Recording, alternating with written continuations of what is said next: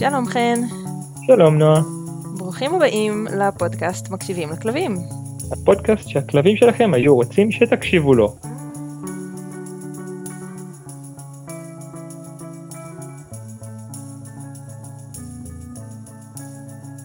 אז אה, אהלן משה.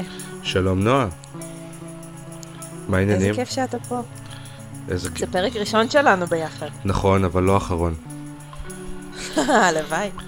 הלוואי. אני uh, שמחה שחזרנו להקליט אחרי פגרה של uh, חודש פלוס, ויש לנו הרבה תוכניות לפודקאסט הזה והרבה פרקים uh, מגניבים שהולכים להיות. והאמת שגם הנושא של היום הולך להיות בעיניי uh, נושא חזק. Uh, כן, את האמת שאני די בטוח שזה uh, יפתח לאנשים קצת את הראש, יגרור מחשבה, בטוח יגרום לאנשים לחשוב. אני מקווה, זאת באמת המטרה שלי, ש, שהפרק היום יגרום לאנשים רגע לעצור ולחשוב. Um, אני לא בטוחה כמה נצליח, לומר לך את האמת, כי זה נושא חזק מבחינה רגשית. זה נושא שמדליק רגשות חזקים אצל אנשים, ו- ובצדק.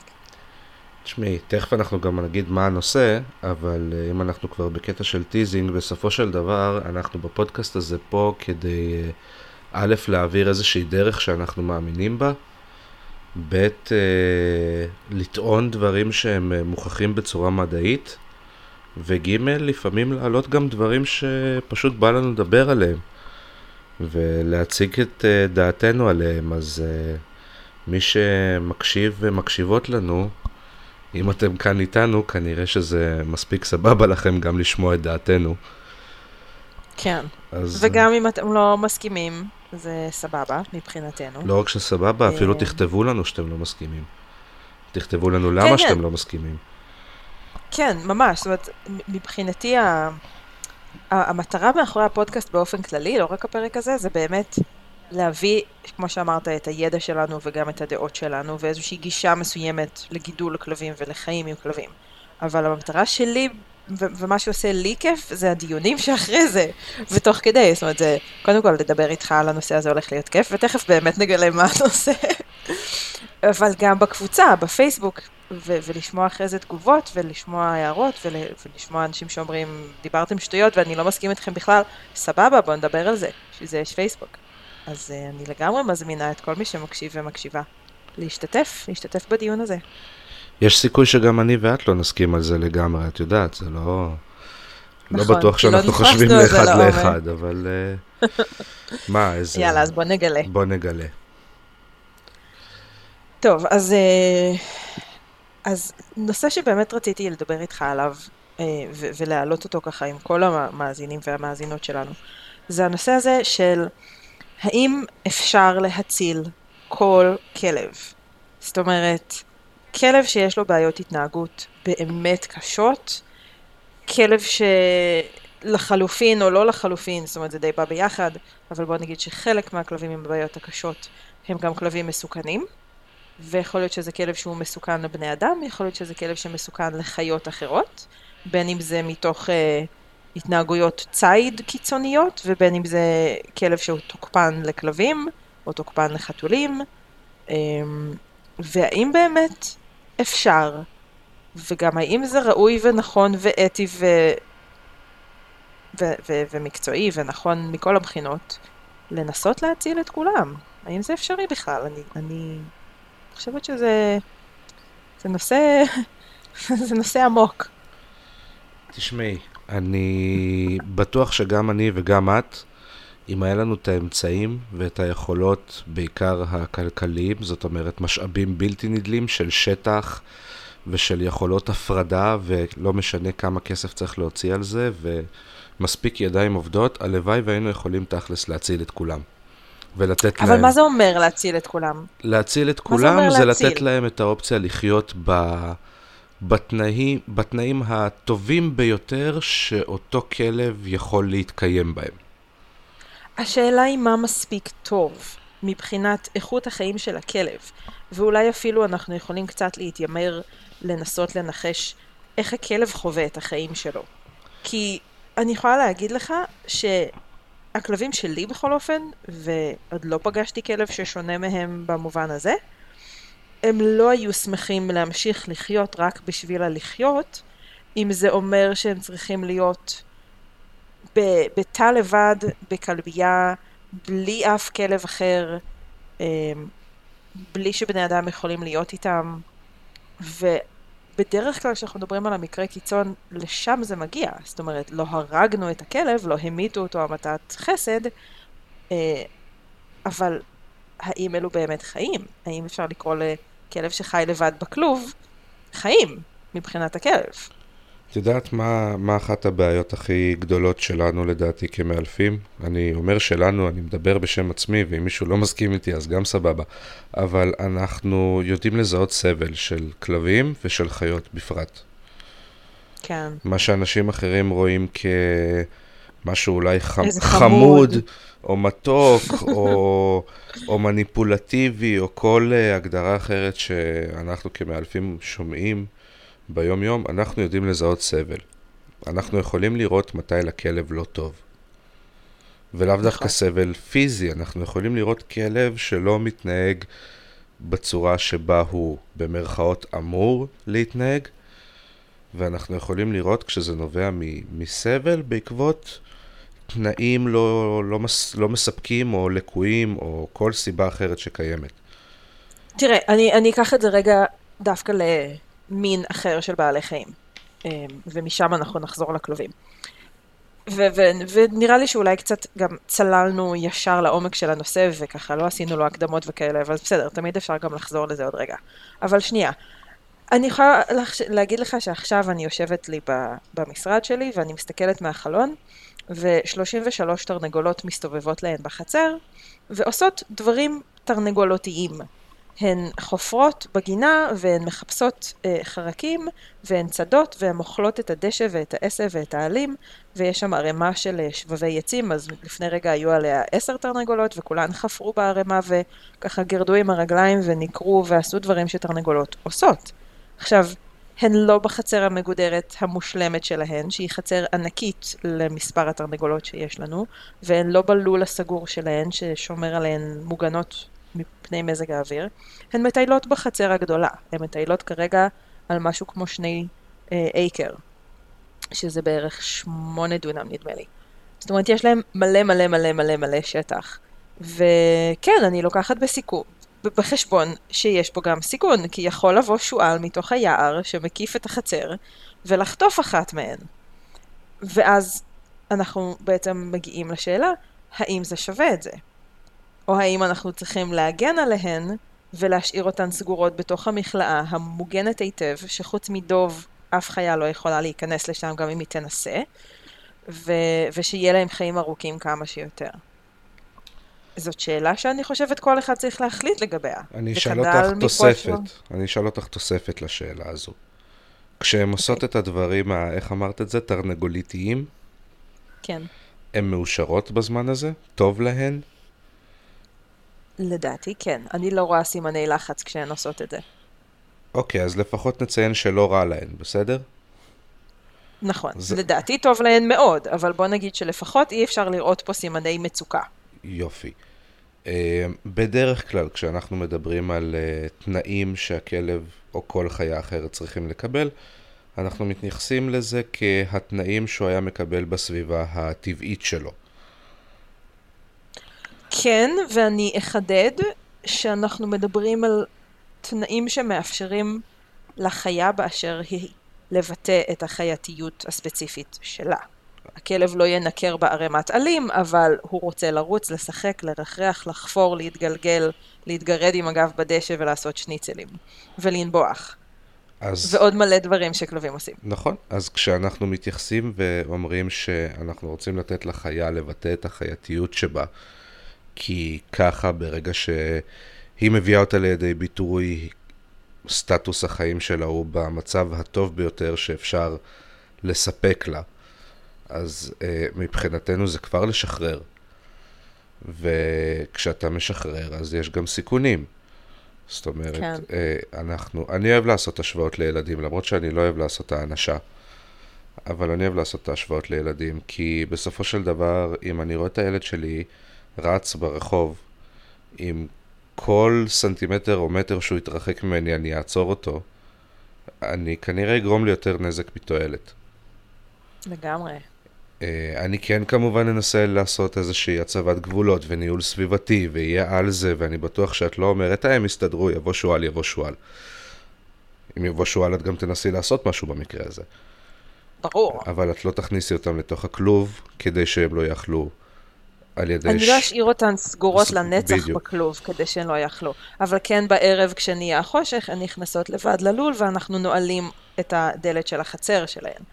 ולכן גם השקענו, אני לא רוצה להגיד כמה, אבל אלפי דולרים, במכלאה ולול שהם בנויים ככה שגם כשהן סגורות בתוכו, למשל בשעות הבוקר, והלילה, בלילה זה לא משנה להן כי הן ישנות, אבל נגיד שגם בבוקר יש איזה כמה שעות שהן סגורות, עדיין יש להן מספיק מרווח ומספיק מקום, והן מוגנות ושום דבר לא יפגע בהן. והן גם יודעות עדיין יקבלו לא את החופש אתן- שלהם בשלב מסוים, ושתשחררו אותם, נכון, והן בוחרות להיכנס לשם מבחירה. נכון. והן מחכות לצאת, הן נכון. ממש, הן רואות אותנו והן כולן מתגודדות בשער, ולא משנה מה השעה, הן רוצות לצאת. ואני חושבת שמאוד קל לראות מה החיה באמת רוצה וצריכה, אם אנחנו רגע עוצרים ומסתכלים עליה, ונותנים לה את האפשרות להביע את עצמה. אז אם נחזיר את זה לכלבים, אפשר להגיד שאנחנו, אם יהיה לנו כסף אה, אינסופי, אז אנחנו נקים חווה מדהימה, עם כלבייה מדהימה, באמת state of the art כזה, הכי הכי מצ'וכלל שיש בעולם, ומלא מלא מלא אנשי צוות ומיטות אה, בגודל של ספה לכל כלב והכל. אבל עדיין, אם הכלב לא מסתדר עם כלבים אחרים, והוא מסוכן לכלבים אחרים, או שהכלב מסוכן לאנשים, ולא יכולים לטפל בו, זאת אומרת צריך לטפל בו כמו שמטפלים בחיות המסוכנות בגן חיות, שקודם מעבירים אותם ל... מעבירים אותם ל... לכלוב אחר לרגע כדי להכניס להם את האוכל או לנקות, ואז המטפל יוצא מהשטח הזה, ואז החיה חוזרת, זאת אומרת אין אף פעם גישה בין בני האדם לבין החיות, אני לא חושבת שאלו חיים לכלב. דעתי האישית. יכול להיות שיחלקו עליי. אני חושבת שכלב שנידון לחיות, אני אגיד את זה הכי דוגרי בעולם, כלב שנידון לחיות את כל חייו לבד, זה לא חיים ששווה לחיות אותם, בעיניי. אני חושב שזה נכון לכל uh, יצור חי ותבונתי בצורה כלשהי. כי בסופו של דבר יש סיבה מאוד מאוד גדולה לזה שקודם uh, בן אדם שנשפט למאסר הוא הולך למאסר, ובמידה והוא מתנהג בצורה לא טובה הוא נכנס לבידוד. כי איזה זה העונש הכי נוראי שיכול להיות ליצור חברתי. בדיוק. עכשיו, אז למה שנעניש את הכלב המסכן הזה, שכל חטאו זה שהוא לא מסתדר עם כלבים אחרים ועם בני אדם והוא מסוכן, לא משנה מה הסיבה, זה יכול להיות גנטית, זה יכול להיות אה, מבחינת ההיסטוריה שלו, עבר משהו, למד משהו, לא משנה איך הגענו לשם, אבל הגענו למצב שהכלב מסוכן. אני... האם, האם צריך להעניש אותו בהמשך החיים בבידוד? התשובה היא בטוח לא. מצידי זהו, ש- ומצידך. כי בידוד הוא לד- לא... בידוד הוא עונש, נקודה. השאלה היא מי מסתכל על המצב הזה. נכון. השאלה היא מי מסתכל על המצב הזה. אנחנו מדברים ממקום של אה, אנשים שראו ויראו דברים, ושמעו דברים, ווואלה, יש לי, יש לי פה שטיח ששוכב בבית, בן 13, ואני לא יכול להגיד שהוא היה הדבר הכי קל, או הוא היום הדבר הכי קל להתנהל איתו ולהתמודד איתו. ו... למה? מה, מה, מה קורה איתו? מה יש לו? אמ, היום הוא כבר כלב מבוגר גם, אז גם זה איזשהו צעד. אבל הוא כלב, אה, מה שאנחנו מגדירים ככנעני עמותות, כנעני מעורב, מעורב ארץ ישראלי, כל אחד וההגדרות שלו. אה, כלב רכושני, כלב טריטוריאלי, כלב אה, חששן. הגיע אליי בגיל חצי שנה מ-SOS הרצליה. אימצתי אותו בתור כלב ראשון עם אפס ידע, באמת, אפס הבנה, אינטואיציה קלה לעולם הכלבים אבל, אה, ולתקשורת איתם, אבל מעבר לזה אפס ידע. ו- אוקיי. וכל מה ש... אה, נלווה, כל מה כל שמשתמע. מה שמשתמע מכך, ובנוסף לזה התייעצויות עם uh, כלבני משטרה למיניהם, וכל מה שמשתמע מכך. מהמם. Uh, ובמקום uh, לנסות להבין מה הכלב רוצה גם המון שנים, עבדתי איתו בצורה של uh, אני קובע פה, אני מחליט פה, אתה תעשה את מה שאני רואה לנכון, איך שאני רואה לנכון, uh, בכל דרך אפשרית. כן, אה, למדתי כבר לא לשפוט את עצמי על זה, כי הבנתי שזו הייתה פשוט דרך לא נכונה. אה, ברגע שבחרתי לעבוד איתו בצורה שהיא ללא כפייה גם, אה, מן הסתם דברים השתנו, אבל אני לא יכול להגיד שהוא הכלב הכי חברותי. הוא עדיין Mhm. כלב שברוב המקרים יבחר להימנע מאינטראקציה עם כלבים. עם אנשים כן. זה משהו אחר, אבל הוא, יימנע, הוא יעשה הכל כדי להימנע עם אינטראקציה עם 99% מהכלבים. כן, אמ, זאת אומרת, הוא כלב שכן בוחר באיזושהי צורה להיות מבודד. אבל הוא עדיין חי בבית עם אנשים שנותנים לו יחס ומטפלים בו ודואגים לו, ויש יש לו חיים יחסית נורמליים. לו חיים יש מצוינים. הרבה מאוד כלבים שלא אוהבים כלבים אחרים, גם אריק שלי לא אוהב את רוב הכלבים שהוא פוגש, אה, ברמה שהוא מסוגל לנשוך אותם מיד, אה, בלי לשאול יותר מדי שאלות. אלא אם זה גורים, או לפעמים נקבות שבאות לא טוב, כלבים יותר קטנים ממנו, אז גם עובר יחסית סבבה, אבל אה, בוא נגיד שכל כל כלב בינוני ומעלה, במיוחד זכרים, אבל לא רק, יש סיכוי טוב מאוד שהוא יריב איתם וינסה לנשוך אותם.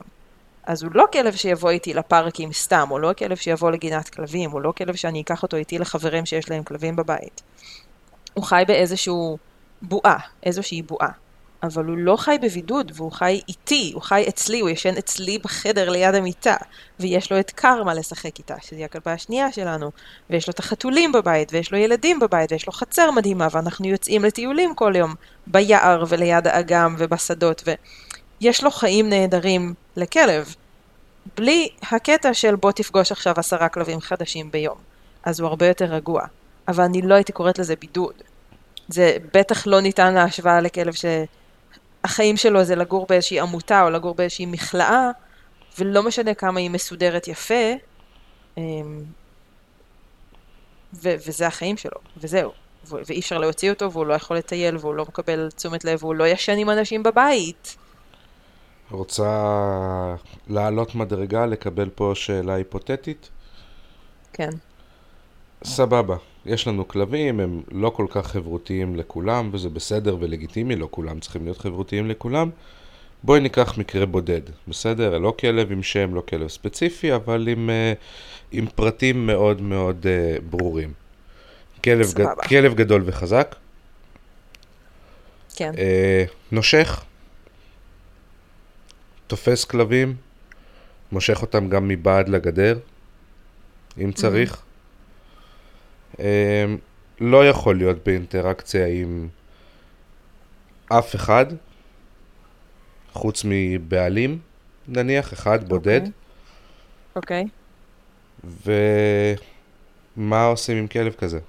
כלב גדול, חזק, דורש ניהול סביבתי, מסתובב עם מחסום, שני אנשים מטיילים איתו, מחזיקים אותו ברצועה באופן קבוע, נמצא עכשיו בכלבייה. מגיע בן אדם, בן אדם גדול, חי לבד את חייו, רוצה לקחת עליו כזה פרויקט. מה היית אומרת לו? בוא נגיד שאם אני העמותה, אם אני המנהלת כלבייה, לא, את נועה. לא, רגע, אוקיי. אני נועה, איפה, מה, אם אני נועה, אז מה התפקיד שלי בסיפור? הוא שאל? הוא הציג לך את השאלה כמו שאני הצגתי לך אותה. הוא מתייעץ איתי האם לאמץ את הכלב? כן. אה, אז לא. למה לא? כי כל האנשים שאני פגשתי, שאימצו כלב פרויקט, וזה כולל אותי ואותך, ויש עוד מלא חברים שלנו מאלפים שאימצו כלבים שהפכו לפרויקט או התגלו כפרויקט. לעומת מאלפים אחרים, לי ולך יש סוכריות. נכון, ושנינו יכולים לחשוב על מאלפת אחת חמודה שיש לה כלבה אה, מאוד לא סוכרתית. כל- אמ, כלבה שהיא כלבה, זה הכל.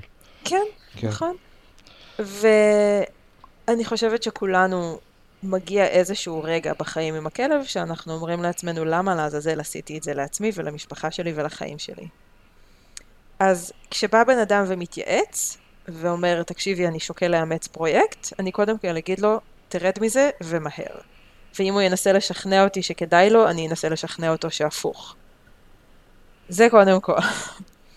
כי יש כל כך הרבה כלבים מקסימים, מתוקים, רכים, מתאימים לסביבת בני אדם, לא מסוכנים לחברה ולציבור ולמשפחה שלהם ולעצמם, שיושבים ונרקבים בכלביות.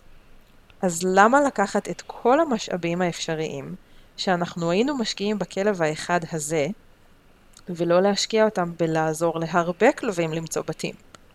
זה, זה צד אחד של זה. ומנקודת המבט שלה להסתכל על איכות חייו של הכלב, את חושבת שעדיף לו להמשיך להיות בכלוב, מבודד לא, במכלאה? עדיף לו למות. לא, עדיף לו למות. Oh, that escalated quickly. אבל אני אה, סבבה, מצטערת, לא, לא, לא. זה- זה אנחנו בשיחה זה באמת דוגרי. בסדר, אנחנו נכנסנו לשיחה הזאת וגם אני ידעתי מה דעתך וגם uh, מה דעתי על הסיפור הזה. אני כנראה גם uh, מסכים איתך עם כמה שזה נשמע רע. Uh, אני לא יודע, זה, זה נשמע מאוד רע. ו- אנחנו צריכים לסייג גם... פה את האמירה גם באיזושהי צורה ולהסביר גם לאנשים כן, שאנחנו כן. לא בעד להרוג כלבים, לא בעד, פשוט, אה, אני אגדיר את זה, יש כלבים שעדיף להם לא להיות בחיים, כי כשכל עוד הם בחיים הם סובלים. וההפך מהלסבול הזה זה פשוט לא להיות בחיים. כן, זה, זה קודם כל, בטוח. אני לא חושבת שכלב צריך להמשיך לחיות אם הוא סובל.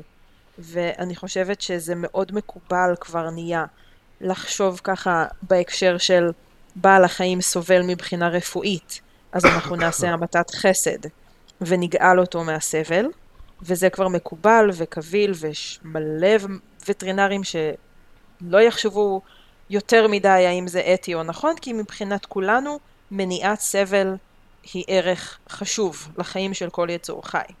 כשזה נוגע למצבים בריאותיים, די קל להגיע לנקודה הזאת.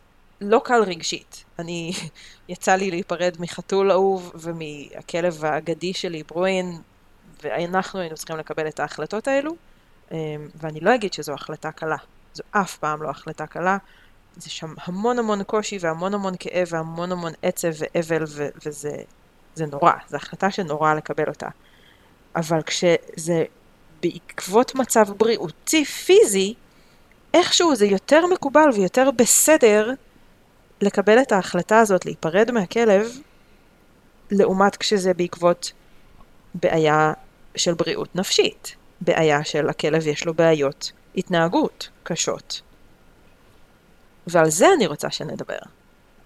על, על, על הסטיגמה הזאת אפילו אפשר לקרוא לזה של בריאות הנפש, ו, וגם בבני אדם יש סטיגמה כזאת מטורפת. אם מישהו צריך תרופות כדי לא ליפול לדיכאון, או כדי לא אה, להתמודד, אה, להתמודד קצת יותר בקלות עם אה, מחלות נפש כמו סכיזופרניה וכל מיני דברים שבאמת קשה לחיות איתם. יש שם סטיגמה מטורפת שהוא חולה נפש, וזה, קללה להגיד למישהו שהוא חולה נפש, וזה לא כמו להגיד אה, כואב לו הראש, או חסרה לו רגל. אומרת, יש שם את הסטיגמה הזאת ואת ה... אה, איך אומרים? על- עלבון כזה ש, שמניחים בו, ואני חושבת שכשזה נוגע לכלבים, אף אחד כמעט לא מוכן לקבל החלטות אמיצות שהן לטובת הכלב, ותכף נדבר גם על, ה, על הצד של החברה והציבור בתוך זה, ועל האתיקה מהכיוון הזה. אמ, כי הכלב יסבול כל חייו כי הוא בבידוד, או יסבול שארית חייו כי הוא יפגע במישהו. ואז זה כבר הצד השני. אז מה זה אומר לגבי כל אה, אה, אותם כלבים שבמרכאות הוצלו על ידי אה, כל מיני אנשים שהחליטו שהם הצילו את הכלב והשתמשו, לא משנה באיזה אמצעים, אבל מבחינתם הם הצליחו להציל אותו. מה, מה את אומרת על כלבים כאלה? וזה לפי מה שאנחנו כמאלפים רואים, שוב, כן? לא בתור כל בן אדם תלוי, תלוי מה איכות החיים של הכלב, אוקיי? אם אתה לוקח אמ, כנעני עמותות מהמדבר, מאזור באר שבע, כן. ומישהו מאמץ אותו ולוקח אותו לגור בחולון, או ברמת גן, או בתל אביב, לפעמים זה עובד, רוב הפעמים זה לא. הקדמת אותי, בדיוק רציתי שניכנס ל... מה את אומרת על כל כלבי המדבר למיניהם? תנו להם להיות במדבר. לעקר, לסרס ולהחזיר למדבר. יפ, יפ. סביבתם הטבעית.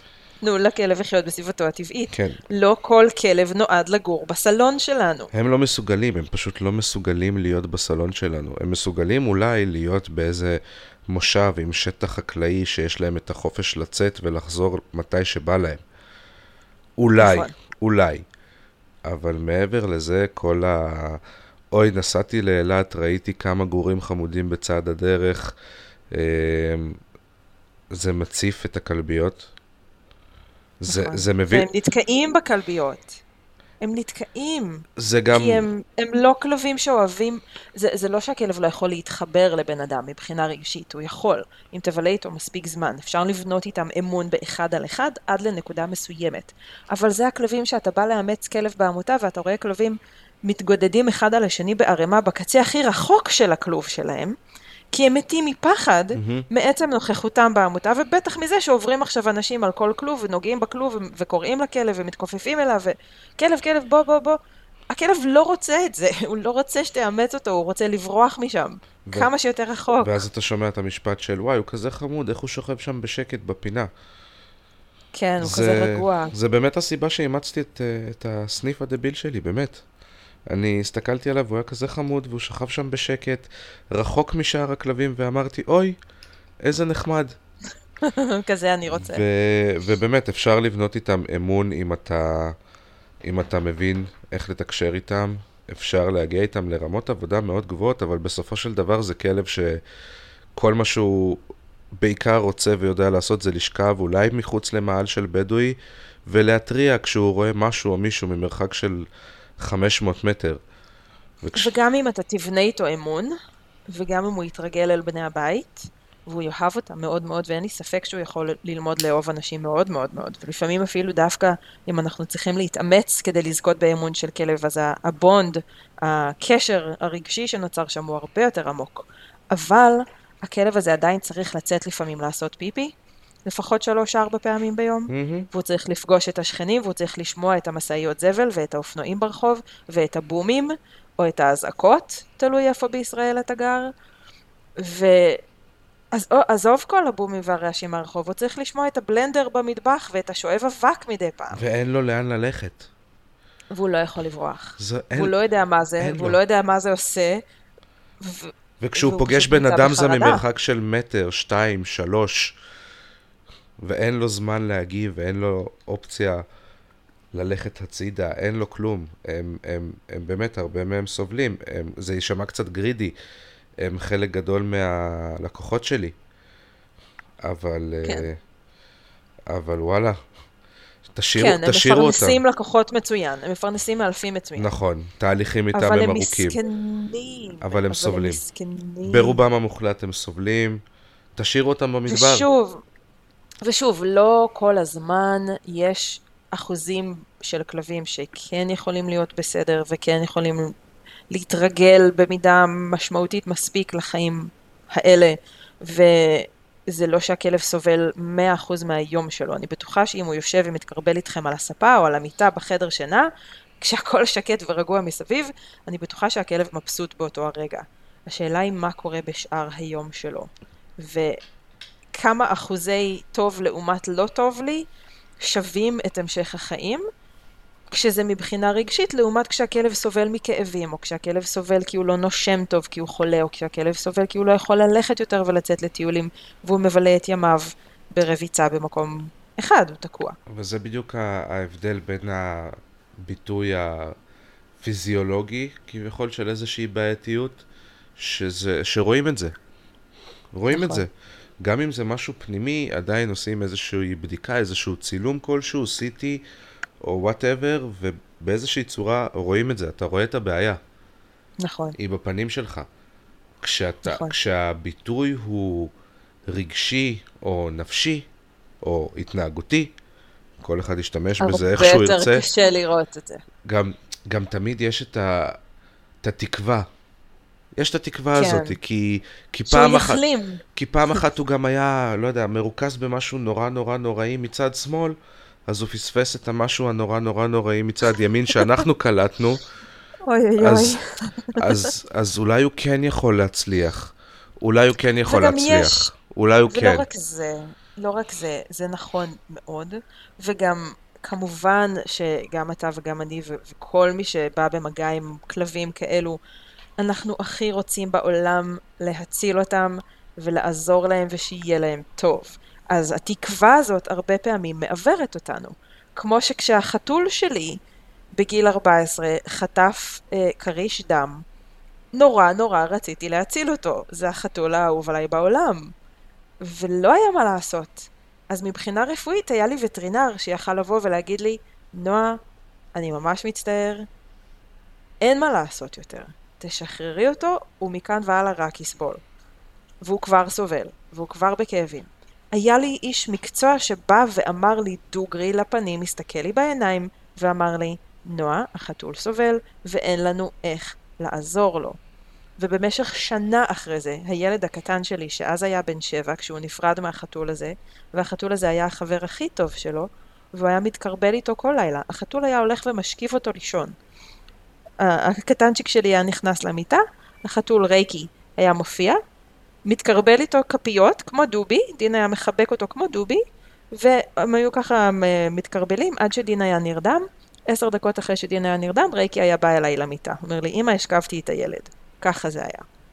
אז במשך שנה אחרי שנפרדנו מרייקי, מהחתול, דין בא אליי בדמעות ובכעס לא פעם ולא פעמיים, הוא שבר לי את הלב, והוא אמר לי, אה, למה הרגתם אותו? למה הווטרינר נתן לו את הזריקה הזאת? למה הווטרינר לא הציל אותו? אני בטוח שהיה עוד משהו שהיינו יכולים לעשות ואולי הווטרינר יכל היה לעזור לו ולרפא אותו. כי הוא היה ילד בן שבע, והיה לו קשה להבין. אבל אני יכולתי בלב שלם לבוא ולהגיד לדין, תקשיב, הווטרינר בדק, הווטרינר התייעץ עם עוד וטרינרים, ולא היה מה לעשות עבור רייקי. הדבר היחיד שיכולנו עוד לעשות בשבילו, זה לחסוך ממנו את שאר הסבל, שהיה מצפה לו עד שהוא היה מת לבד, אחרי כמה שעות או אחרי עוד יממה. אז זה היה המעשה הכי אוהב שאנחנו יכולנו לעשות עבור רייקי. ומה שעזר לי באותו הרגע היה שהווטרינר בא ואמר לי, אין עוד מה לעשות. אבל כשזה נוגע לכלבים מבעיות רגשיות ונפשיות, אנחנו אלה שצריכים להגיד את זה. אנחנו, לי ולך צריך להיות את האומץ, ולכל הקולגות שלנו צריך להיות את האומץ, ואת היושרה המקצועית, ואת הביצים של אה, ברזל. תודה רבה על המשפט האחרון, זה בדיוק מה שרציתי להוסיף, כי זה באמת דורש ביצים של ברזל. גם מצד לבוא. הווטרינר וגם מצ... מצידנו. נכון. לבוא ולהגיד ללקוח, להסתכל לו בעיניים ולהחזיק לו את היד, ולתת לדמעות לצאת אם הן רוצות, ולהגיד להם, אני ממש מצטערת. אין עוד משהו שאפשר לעשות עבור הכלב הזה, בואו נשחרר אותו מהסבל. ולהגיד את זה מספיק בנחרצות כדי שאנחנו ניקח את העול של ההחלטה מהלקוח. אנחנו לא לוקחים ממנו את החופש להחליט, חשוב כאן להדגיש. אני לא אומרת תחליטו בשביל הלקוח, אבל אני אומרת תאפשרו ללקוח להיות שלם כשזאת ההחלטה הנכונה, לקבל אותה בלב שלם. ואל תהיו, אמ, קודם כל אל תיתנו לו תקוות שווא, ולצערי גם אתה וגם אני מכירים לא מעט מאלפים, שזה השטיק שלהם. רואים את כל הפייסבוק שלהם מרוח בכרזות של אני יכול לשקם כל כלב, whatever that means, ואני יכול להציל כל כלב, ובאים אליי המקרים הכי קשים, ואני מציל אותם, והם נשארים בבית, והם חיים. לא, זה לא מספיק טוב בעיניי. ואנחנו צריכים את האומץ, את הביצים של ברזל, ואת היושרה המקצועית. זה גם לא מתפקידנו להציל כל כלב, מתפקידנו, איך שאני רואה את זה, זה, זה לעזור לכלב להיות חלק ממשפחה. פשוט- ולחיות חיים ולחיות טובים. חיים טובים, כן, כחלק מזה, לשני הצדדים. אנחנו לא, לא, לא שם בשביל להציל אף אחד. אנחנו שם בשביל ללמד, אנחנו שם בשביל לחנך, אנחנו שם בשביל להסביר, אנחנו שם בשביל לתרגם. אנחנו באתי לא... להגיד לתרגם. אנחנו לא... זה, זה קצת יומרני, אה, זה המון יומרני לבוא ולהגיד שאנחנו שם בשביל להציל. למרות שיש לקוחות שאומרים שאנחנו מצילים אותם, זה סבבה, זה כיף לשמוע. אבל אבל גם יש מלא מאלפים שנכנסו למקצוע הזה, במיוחד בתחום, בנישה של הפורס פרי, של האילוף אה, החיובי, יש מלא מאלפים שנכנסו בשביל להציל כלבים. אה, כי, כי סבבה. לא סתם הם הגיעו לדרך הזאת. ואני חושבת שמצפה להם דרך מאוד קשה במקצוע הזה. מאוד.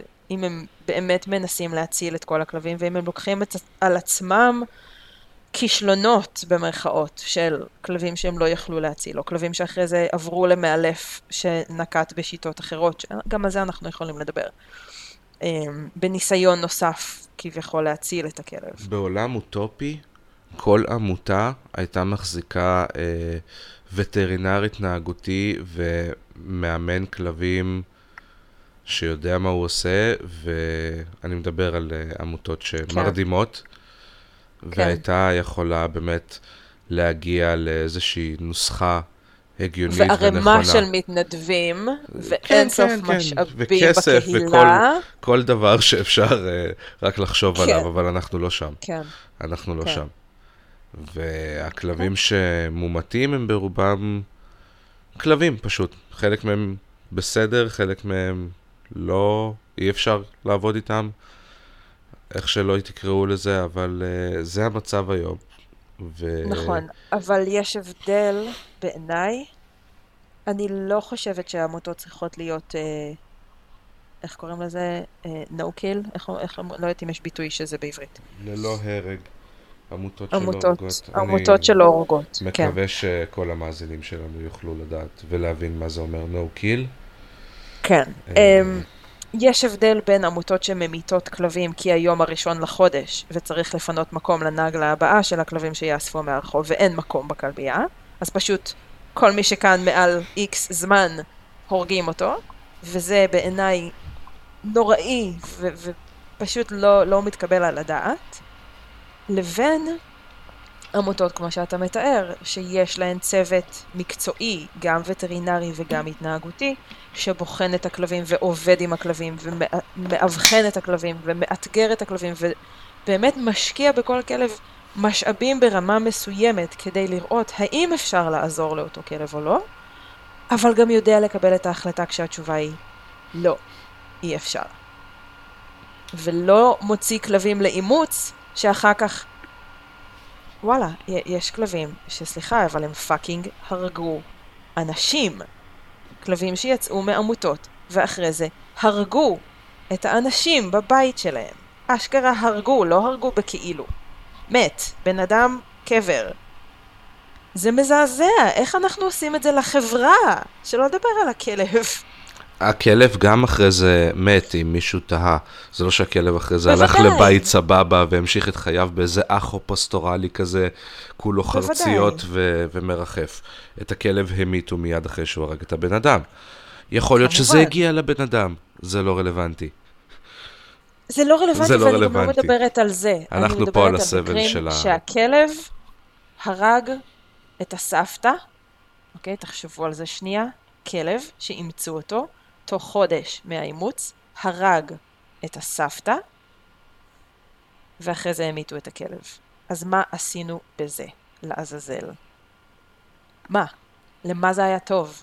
שכחת עוד כמה טראומות על הדרך ל- למשפחה, לילדים, לילדים, לנכדים, ל- להורים, לשכנים, לשכנים, לשכונה. שכחת כמה טראומות על הדרך. לעובדים בעמותה, למתנדבים בעמותה, כן.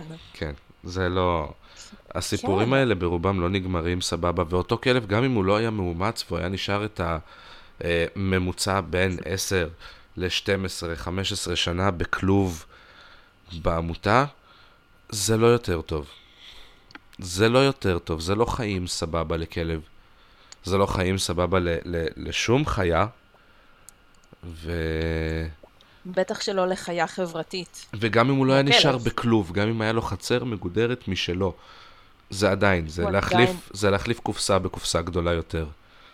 לגמרי. זה לא, לא מספק את הצרכים, כי עדיין אף אחד לא יכול להיכנס ולטפל בו, והוא עדיין, אף אחד לא יכול וללטף אותו, לטייל איתו. ולשחק איתו, ולטייל נכון. איתו. נכון. והוא היה נשאר לבד פשוט כי אנחנו לא הורגים כלבים. וזה באמת, זה, אני, אני מעריץ אנשים שמחזיקים בבית שלהם 12 כלבים, שלוקחים כל כלב שמגיע להם מהרחוב, ששמים גדרות ועושים הפרדות ומנהלים, וכל היום שלהם הוא סביב הכלבים. אמיתי, אמיתי, אמיתי, כל הכבוד, וכל שקל שיהיה לי אי פעם spare כנראה ילך לאנשים האלה. אבל בסופו של דבר, כשאנחנו לוקחים כלבים מהמדבר או מהיער בצפון שהלכנו לעשות בו קמפינג ומצאנו שם גורים, או מאמצע תל אביב. כן, זה לא, לא משנה. משנה. הם נורא חמודים, הם נורא חמודים. אבל הם לא יכולים לחיות ברוב המדינה הזאת, כי רוב המדינה הזאת היא עיר. ורוב האנשים גם לא יודעים להתנהל עם כלבים כאלה. ובסופו של דבר הכלבים האלה יגיעו לכלביות, וגם אם הם יאומצו, רובם יחזרו לכלביות אחרי זה. גם מה זה אומר... ברחה לי ה... ברח לי המשפט. תתפסי אותה. תתפסי אותו. בדיוק הסתכלתי והתרנגולות כולן נכנסו פנימה ללול. אולי יש שם שועל, תבדקי. לא, פשוט נהיה חושך. או, איזה כיף זה? התניות. נכון. איזה כיף זה מתחיל התניות. להחשיך, הן נכנסות הביתה, חמודות. תכף אני אשלח איזה ילד לסגור להן את השער. אמ, זה לא רק הכלבים האלה מה, מהמדבר או מההרים בצפון, זה יכול להיות כל כלב שאנחנו מאמצים מהעמותה. אני חושבת שהרבה יותר מדי כלבים שמסוכנים לחברה, נשארים בחברה, נשארים בקרב הציבור. ו... כן, אבל הוא קטן, נו, אז הוא נושך קצת, אז מה, אז מה, מה כבר יכול לקרות? שמעת את זה? מכירה את זה? כן, כן. ובסדר, בוא נגיד, אפשר לשים אולי איזשהו קו על החול, דמיוני לכאן או לכאן, כן? אפשר לשים קו בין כלב ששוקל 30 קילו ומעלה לכלב ששוקל 5 קילו ומטה. אפשר, נגיד, בסדר, נגיד, בסדר. לצורך הוויכוח. אבל אם הכלב מתנהג ככה, הוא עדיין סובל. קודם כל, הכלב א', סובל. כן. הכלב א', סובל. כן, וב' מה עם הילדים והמבוגרים שחווים פחד בעקבות הכלב הזה?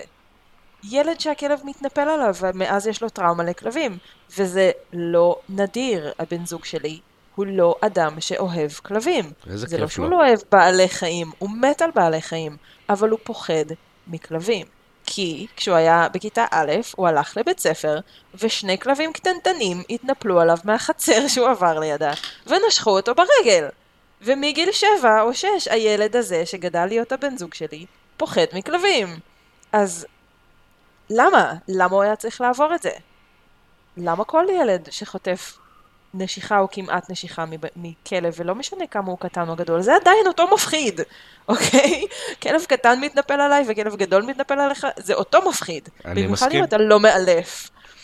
גם אם אתה מאלף כלב שמתנפל עליך, אתה יודע מה עומד מאחורי זה, זה אף פעם לא כיף. אז מכלב גדול נכון. יהיה נזק גדול, מכלב קטן אולי לא נזק בכלל, אבל אתה עדיין יודע מה ההשלכות של זה. יש לי עדיין צלקת באגודל מבולדוג צרפתי קטן, או בולדוג, לא זוכרת מה הוא היה, יכול להיות שהוא היה בכלל בוסטון. משהו קטן כזה, שנשך אותי בגיל 13. בכלבייה, שעבדתי בה, התנדבתי בה ועבדתי בה. והוא נשך אותי ועד היום יש לי צלקת באגודל.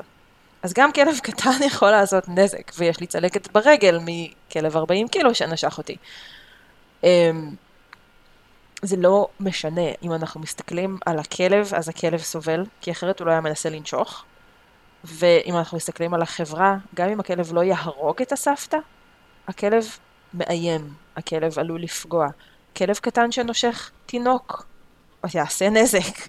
כלב קטן שנושך ילד, או נושך בן אדם בנקודה הלא נכונה בגוף, יעשה נזק. זה יכול להיות שהוא פגע בדיוק בגיד, זה יכול להיות שהוא פגע בדיוק בעין, זה יכול להיות שהוא בטעות הוריד את האוזן, וסליחה, כן, זה, זה דברים אה, מזעזעים, אבל הם קורים כל הזמן, אני לא ממציאה פה נתונים.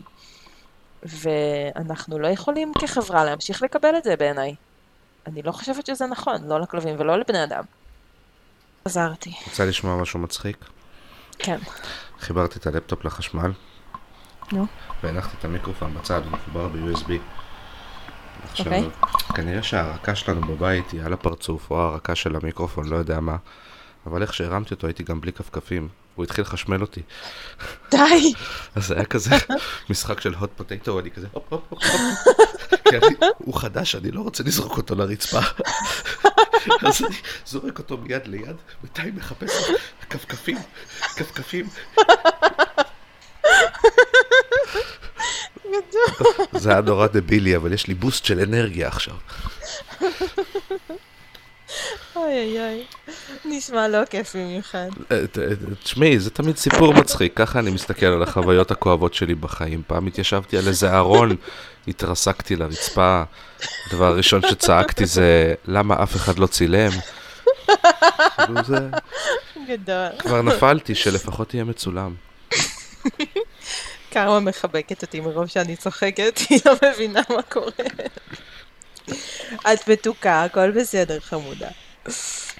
כשהייתי מסכמת את הפרק הזה, או מה שחשוב לי לומר בתור סיכום, זה שכן הייתי רוצה שכל כלב שאפשר לשקם במרכאות, ואני לא אוהבת את המילה הזאת, כי אני לא חושבת שאנחנו אה, מתקנים כלב מקולקל בעבודה שלנו.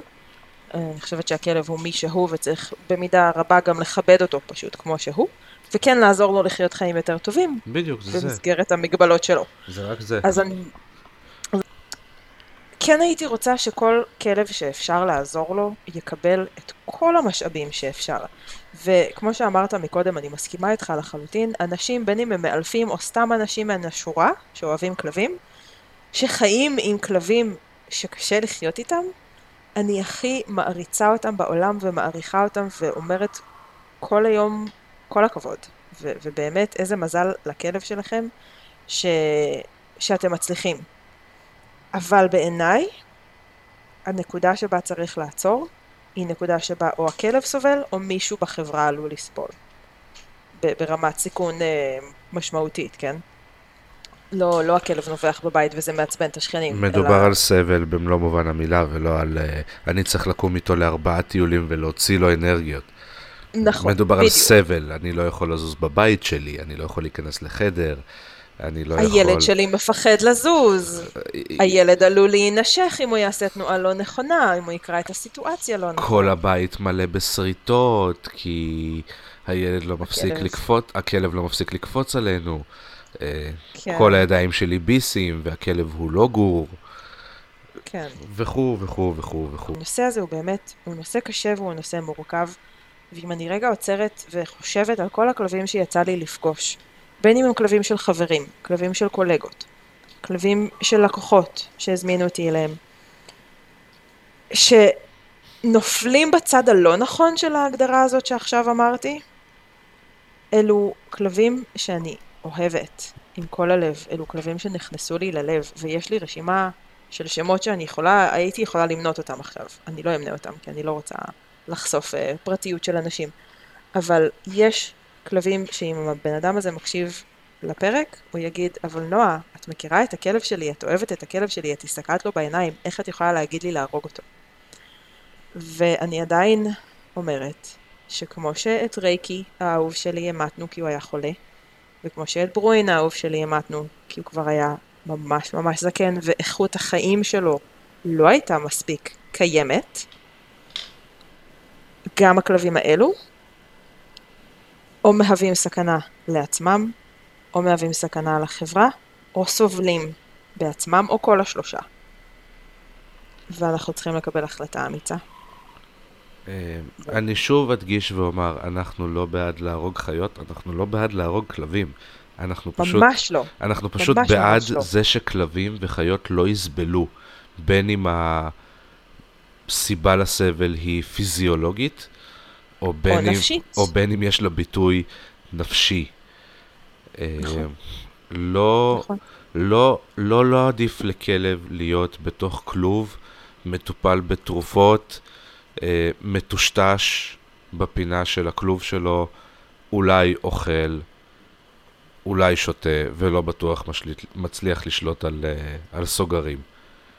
זה לא, זה ו- לא סטטוס ולא שהוא עדיף. מבטא, ולא מבטא את כלביותו, באופן הכי מלא שאנחנו יכולים לתת לו. זה, זה, גם מבחינתי זה כלב. ישיר לזה שהוא בכלוב, מטושטש גם בתרופות. כלב שנמצא בבית, אבל הוא נמצא בהפרדה מוחלטת, הוא מבלה לפחות חצי מהיממה שלו, אם לא יותר, בדרך כלל זה הרבה יותר, כי הוא בכלוב גם בלילה, בכלוב או בחדר נעול, כי יש עוד כלבים בבית, או כי הוא מסוכן לילדים, או כי הוא מסוכן לאורחים, או לא משנה מה. אבל הכלב לא חי חיים רגילים נורמליים של כלב בבית, אלא הכלב מנוהל, או אמור להיות מנוהל, ברמה כל כך קפדנית, כי אם אנחנו רגע נעשה אופס, ותמיד אגב קורה איזשהו אופס, אז מישהו פה ייפצע, או שיהיה אוי ואבוי נורא מאוד, אם הכלב לא יהיה מנוהל 100% מצוין 100% מהזמן. זה כלבים שצריך לחשוב עשר פעמים, כן. האם החיים שלהם צריכים להמשיך ככה. ו- ואני לא אומרת את זה באיזשהו קור רוח, זה, זה אולי נשמע ככה, אבל הלב שלי דופק והגוף שלי רועד כשאני מדברת על זה. אמ, ובאמת שאני, כשאני אומרת את זה, אני לא אומרת אמירות ריקות, אני חושבת על הכלבים האלה ויש לי אותם בתמונה בראש כשאני חושבת על זה עכשיו. אז אני לא אומרת אנחנו בעד להרוג כלבים, ממש ממש לא. אני רק אומרת אל תיתנו לכלבים לסבול רק כי יש דופק. זה שיש לכלב עדיין דופק לא אומר שעשינו משהו טוב בזה. זה לא מספיק שיהיה לו דופק. הכלב צריך איכות חיים. וגם לאנשים מגיע. לא, לא ב- לפחד. מחסור באיכות חיים, סליחה שאני קוטע אותך, למען הסר ספק, זה גם כלב שקשור בשרשרת או על כבל מחוץ למפעל ככלב שמירה שמירה. במרכאות. כן, זה שהוא בחוץ במהלך היום, וכביכול לא בתוך כלוב, ויש לו את המקום, שוב, מבחינת מב- ראות נקודת המבט שלנו, האנושית, לבטא את האגרסיות שלו ולהשתמש במה שיש לו גם ככה כדי לשמור, לא, הכלב סובל. כלבים נכון. שנמצאים בסטטוס הזה, לא טוב להם. גם אנשים שיש להם, שנמצאים באיזושהי מניה, לא טוב להם. יש כאלה נכון. שיכולים לטפל בזה בטיפול תרופתי, יש כאלה שדורשים אשפוז יום, ויש כאלה שנמצאים באשפוז מטושטשים כל החיים שלהם. זה לא סטטוס טוב לאף אחד, לא להם, לא למשפחה שלהם, לא למטפלים שצריכים לטפל בהם כל היום, לאף אחד זה לא טוב. נכון. אה, ועם בני אדם, כמובן שזה נושא עוד יותר מורכב, ואנחנו לא ניכנס לשם, אבל הכלבים באחריותנו, והאחריות שלנו היא לספק להם איכות חיים. אפשר לסכם את, ה, את, ה, את כל השיחה הזאת בזה. זה בדיוק זה. אנחנו כאן לתת להם איכות חיים. לא רק להם, גם לבעלים שלהם. ופחות מזה זה לא מספיק טוב. זהו, זה מה שרציתי להגיד. פחות מזה, זה לא מספיק טוב פשוט. זה לא. שיש לו דופק והוא חי בעמותה, לא הצלנו את הכלב, לא עשינו בזה כלום. הצלנו מבחינת נקודת המבט שלנו שהכלב הוצל, אבל המילה הצלה היא לא... היא מתייחסת למשהו מאוד, לביטוי פיזיולוגי של לקחתי אותו ממקום מסוכן ושמתי אותו במקום בטוח. נכון. אבל אחרי שהכלב. הוצל ויצא מכלל הסכנה, צריך להתחיל לתת לו חיים. ואם אנחנו לא מסוגלים לעשות את זה, אז, אז מה עשינו בזה? אז האם באמת הצלנו את הכלב, או שפשוט עדיין יש לו דופק? אלה כלבים מעטים גם, דרך אגב, עד כמה שאני רואה את זה. זה לא כל כן, כלב כן, שני, כן, שלישי, רביעי, חמישי, עשירי, ממש לא. לגמרי, זה כלבים לגמרי. מעטים, אבל ו- פשוט ו- יש כאלה. ועבדתי עם מלא מלא מלא כלבים תוקפנים ושנשכו ושנושכים ומסוכנים ברמה כזו או אחרת. אני לא אומרת כל כלב שאי פעם נשך תהרגו אותו מחר. לא, אפשר ברוב המקרים לטפל בזה, לשפר את המצב, להגיע למצב בטוח, לספק לכלב איכות חיים סבירה פלוס, זאת אומרת שהיא מינימום, מינימום איזשהו מינימום, אתה יודע, שהכלב עדיין חי וטוב לו, רובם כאלה. אבל יש את הבודדים, יש את הקיצוניים, ושם צריך להיות מספיק אמיצים, ושיהיה לנו מספיק אכפת מהאיכות חיים של הכלב, כדי גם לדעת מתי עשינו כל מה שהיה אפשר, ואין עוד מה לעשות, והכלב סובל. אז... אני, אני, מקווה ש... אני מקווה שזה ככה יצא ברור שהצלחנו להסביר את עצמנו ושאנשים מצליחים להקשיב ולשמוע אותנו ככה ממקום, אה, לא יודעת אם רגוע, כי אי אפשר להיות רגועים מול הנושא הזה, אבל אה, מאיזשהו מקום עם ראש פתוח לרגע ושבאמת רוצה לבחון את הנקודת מבט גם של עצמם, של, של כל מי שמקשיבים לנו לגבי הנושא הזה, ואל תהרגו אותנו. אנחנו באמת באמת אוהבים כלבים, ואני חושבת שגם אני וגם אתה מדברים על הנושא הזה מתוך הכאב, ומתוך מה שראינו, ומתוך זה שאנחנו יודעים לזהות כשכלב סובל, ואנחנו רוצים שיהיה להם טוב בחיים. לגמרי, זה, זה נטו מגיע מהמקום הזה של uh, לא לראות אותם סובלים. ו, ועזבו את, uh, את הכלבים המשוטטים במדבר ובצפון, תנו להם להמשיך לחיות את החיים שלהם במקום שבו הם יודעים ויכולים להתקיים בו. כמה שהם כן. ישרדו שם, הם ישרדו שם, אבל לפחות זה יהיה בסביבה הטבעית שלהם. נכון. אנחנו לגמרי מבינים את הרצון הטוב, באמת. בינדר, דנדט, כולנו, הכל כן. בסדר. לא שופטים גם אף אחד, אבל uh, די, די, די. בואו מספיק עם, uh, עם הכנענים בתל אביב. מספיק כן. עם הכנענים בתל אביב. ועם, ועם ה... להציל את כולם בכל מחיר. כן, זה לא תמיד שווה את זה. המחיר לפעמים הוא גדול מדי, וההצלה היא לא באמת הצלה. ואנחנו לא בעד להרוג כלבים. וואי, אמרנו את זה מספיק, לא? באמת, אני חושבת שמי שמכיר אותנו טיפ-טיפה, אז כמובן יודע את זה, אבל אני חושבת שגם כל מי ששמע את הפרק, אם הוא מסוגל רגע לצאת מהסערת רגשות שהנושא מדליק בכולנו בעצם הנושא, נראה לי שאפשר להבין שאנחנו בעד הכלבים ולא נגדם. ואני בטוחה שיבואו ויגידו אנשים ש...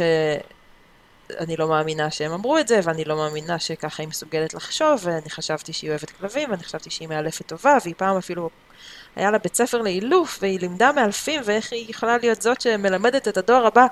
תגידו מה שאתם רוצים, וזה בסדר שיש לכם דעה שונה משלי. אני באה מהמקום שאוהב כלבים ורוצה בטובתם, ואני חושבת שזאת הדרך להגיע לשם. בשוויץ יש uh, חוק שמאפשר uh, המתת חסד, אם אני לא טועה? לבני, לבני אדם. אדם. כן. Uh, זה ממש לא מגיע משנאה לבני אדם. נכון. פצצות אטום למיניהם מגיעות משנאה לבני אדם. מקום שמאפשר לאנשים לבחור מתי ללכת כי הם לא יכולים יותר, ולעזור להם לעשות את זה בצורה הנוחה והנעימה ביותר, הוא מקום שאוהב אנשים. אנחנו לא באים ממקום של שנאה לכלבים או איזושהי אה, הסתכלות עליהם אפילו בתור חפץ, אלא אנחנו באים בדיוק מהמקום, ה, ה, מהצד השני, המקום שאכפת לו מהכלבים, המקום ש... שוב, אנחנו נחזור ונגיד את זה, רואים אותם סובלים, ו- ורואים אותם סובלים מ... לא, כי, לא כי, כי באמת יש איזשהו סיכוי שיהיה להם טוב, אלא כי אנחנו, או הבעלים שלהם, או מי שמחזיק בהם חושב שהם לא סובלים. כן. ו- ולפעמים הצעד הנכון בשביל הכלב זה לתת לו את הדבר הטוב ביותר, שלפעמים הדבר הטוב ביותר הוא הרע במיעוטו. ולהיפרד ממנו. כן. כן. כן. כן. ו... עם כל הקושי שיש בזה. ויש. יש מלא. תמיד. זה לא החלטה שמקבלים בקלות דעת, או בקלות, נקודה. נכון. סליחה, אני הייתי חייבת לנשק לה את האף. זה בסדר. טוב, יאללה. יאללה. חפרנו. חפרנו לגמרי. Um, תודה, תודה שהקשבתם לנו. Um, תודה מראש על הדיונים שאנחנו עוד, uh, עוד נשתתף בהם ונשמע את התגובות שלכם ואת כל מה שיש לכם להגיד. Um, אני באמת רק מבקשת, אנחנו פתחנו נושא כואב וקשה, ואנחנו מאוד נשמח שהתגובות יהיו בהתאם. בכבוד לכל אדם באשר הוא. רק תגובות מכבדות, כן. חברים. חוסר כן, הסכמה כן. זה לגיטימי, תגובות מכבדות. לגמרי. וזהו, וואלה, היה כיף להקליט איתך, כן, אבל בוא פעם הבאה נמצא איזה נושא יותר קליל. בדיוק מה שבאתי להגיד, נועה אמרה לי, וואי, משה, בוא תקליט איתי, יהיה כיף. אמרתי לה, יאללה, בואי. היה לי מה זה כיף, באמת שעה לשבת ולדבר על להרוג כלבים. תודה רבה, נועה. ממש, ממש. בסדר, לפחות, כן. לפחות סיימנו בטיפה צחוקים. כן, אה, וצחקנו על זה שהתחשמלת. נכון, נכון. אני נכון. עדיין צוחקת על זה. בסדר, זה נתן לי עוד הרבה אנרגיות, אולי יהיה עוד לילה ארוך. תהנה. כן. שיהיה מועיל ו... איך תדעי, אולי אני אקום מחר בבוקר כזה, יורה ברקים מהידיים, איזה קטע. כמו הפלאש, כמו איזה מטה-היומן. כן, דווקא פלאש, פלאש זה סבבה. פלאש זה אחלה סדרה, דרך אגב. בואי נעשה פודקאסט על DC אה, נגד מרוויל. אה, כן, חברים, תודה רבה לכם. אה, דרגו אותנו, האזינו לנו, אפליקציות, פייסבוק, יוטיוב, כל הדברים הנ"ל. ודברו איתנו. יאללה ביי. ביי ביי.